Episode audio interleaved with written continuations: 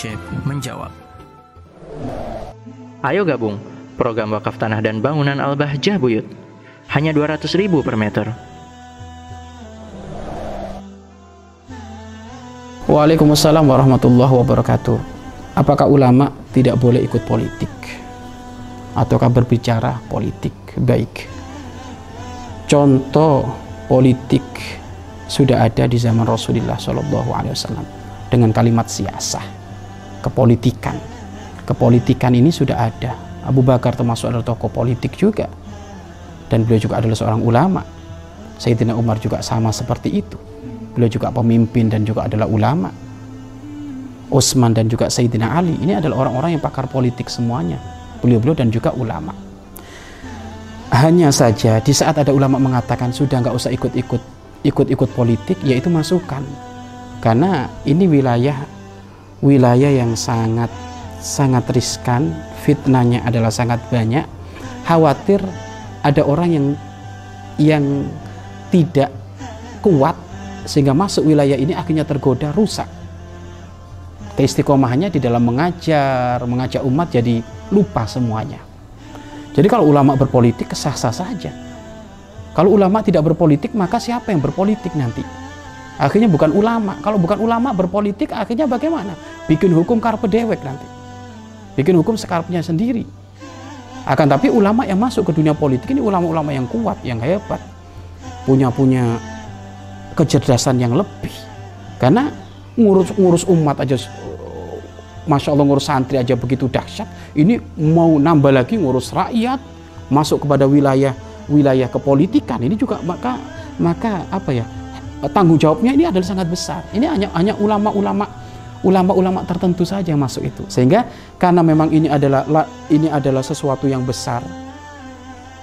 Kalau kita masuk nggak ngati-ngati khawatir malah kita kita ternodai, maka dari situlah akhirnya ada yang fokus sudah saya berdakwah saja, saya nggak ikut-ikut urusan politik, ya kita hargai nggak masalah.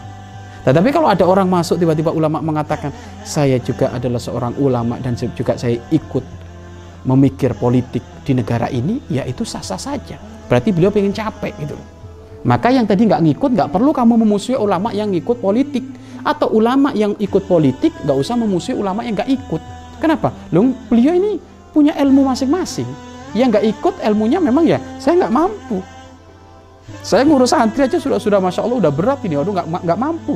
Kalau saya pakai otak saya dipakai ke dunia politik, itu kita kita nggak mampu. Tetapi kalau ada ulama yang terjun ke sana, ya nggak masalah. Bahkan kalau perlu kita dukung, kita arahkan. Bagaimana cara dukung? Kita ingatkan. Kalau memang kebablasan, ya itu tanda. Artinya gini loh, kita itu saling melengkapi. Kekurangan kita bisa dilengkapi oleh teman kita yang juga ulama, ya kelebihan dari teman kita yang kebablasan bisa kita juga kontrol dengan keilmuan kita. Jadi ini ini akan menjadi satu kekuatan yang komplit gitu loh. Akan menjadi kekuatan yang kom komplit. Yang nggak benar itu adalah yang nggak ikut politik merasa benar sehingga mengejas salah kepada yang ulama ikut politik. Loh ini nggak benar. Ini, ini siapa kok kok jadi malah saling musuh-musuhan teman-teman kayak gini ini kan nggak benar. Kemudian apakah di majelis perlu ngomong politik loh? Kalau memang dibutuhkan ya perlu. Tapi kalau setiap hari ngomong politik terus ya ngapain? Kan ada masa-masanya. Ada masa-masanya. Berbicara politik itu mungkin sekarang lagi lagi momennya panas berkenaan dengan urusan politik atau apa ya harus berbicara di situ. Bagaimana politik yang di yang dibenarkan oleh syariat Islam? Bagaimana? Politik itu kan adu adu strategi untuk mengembangkan negara iya kan mengembangkan negara secara sempurna, memikir kemaslahatan rakyat. Maka kalau ada ulama masuk wilayah ini, yuk dia dia telah mengambil satu medan yang sangat luas besar sekali. Ini beban yang dipikirkan sangat-sangat sangat komplit itu dibandingkan tadi ulama yang tidak tidak ikut. Tetapi sisi lain ulama yang tidak ngikut ya kita hargai karena beliau ngati-ngati. Karena ini wilayah panas ini. Wilayah panas ini. Karena kalau kalau kalau seumpama kita kita kita agak agak terlalu longgar, kita kebawa nanti masuk kepada fitnah-fitnahnya politik. Gitu kan, masuk nanti akhirnya menjadi orang tasahul atau terlalu keras. Ini fitnahnya juga banyak anteman sana sini. Lalu bagaimana? Ya kapan kita harus harus harus longgar, kapan kita harus tegas? Maka Kami doakan siapa pun para ulama yang masuk wilayah ini, mudah-mudahan antum istiqomah, dibimbing oleh Allah Subhanahu wa taala. Adapun ulama yang tidak masuk wilayah ini, ayo antum tidak perlu sinis, tidak perlu tidak perlu menghujat yang tidak tidak benar kepada ulama yang ikut wilayah politik itu. Tinggal tanda kasih sayang antum, cinta antum pada ulama ikut politik. Kalau melihat berlebihan, ayo diingatkan. Karena antum adalah selevel. Satu satu satu alma mater, ulama ibarat. Nah, maka dari sini kan enak nanti untuk mengingatkannya enak.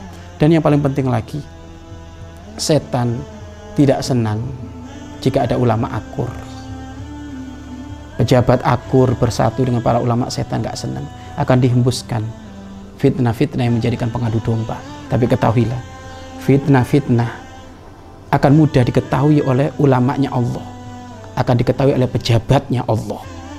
Akan diketahui oleh, oleh orang yang sambung kepada Allah. Sehingga apa? Mereka tidak, tidak akan terpengaruh. Mereka tidak akan terpengaruh karena apa? Karena fitnah. Fitnah itu gambarnya jelas. Kalau dia dekat kepada Allah nampak ini bukan bukan jalan kepada Allah, maka mudah disingkirkan. Tetapi yang tidak dekat kepada Allah akan mudah termakan urusan fitnah ini. Maka yuk kita doakan ulama-ulama kita yang masuk wilayah politik mudah-mudahan semakin dijaga oleh Allah istiqomah diberi kekuatan. Adapun ulama yang tidak tidak masuk pada dunia politik juga mudah-mudahan istiqomah panjatan doanya di malam hari di diharapkan. Wallahu a'lam bishawab. Mari berinfak untuk operasional lembaga pengembangan dakwah Bahjah Buyut.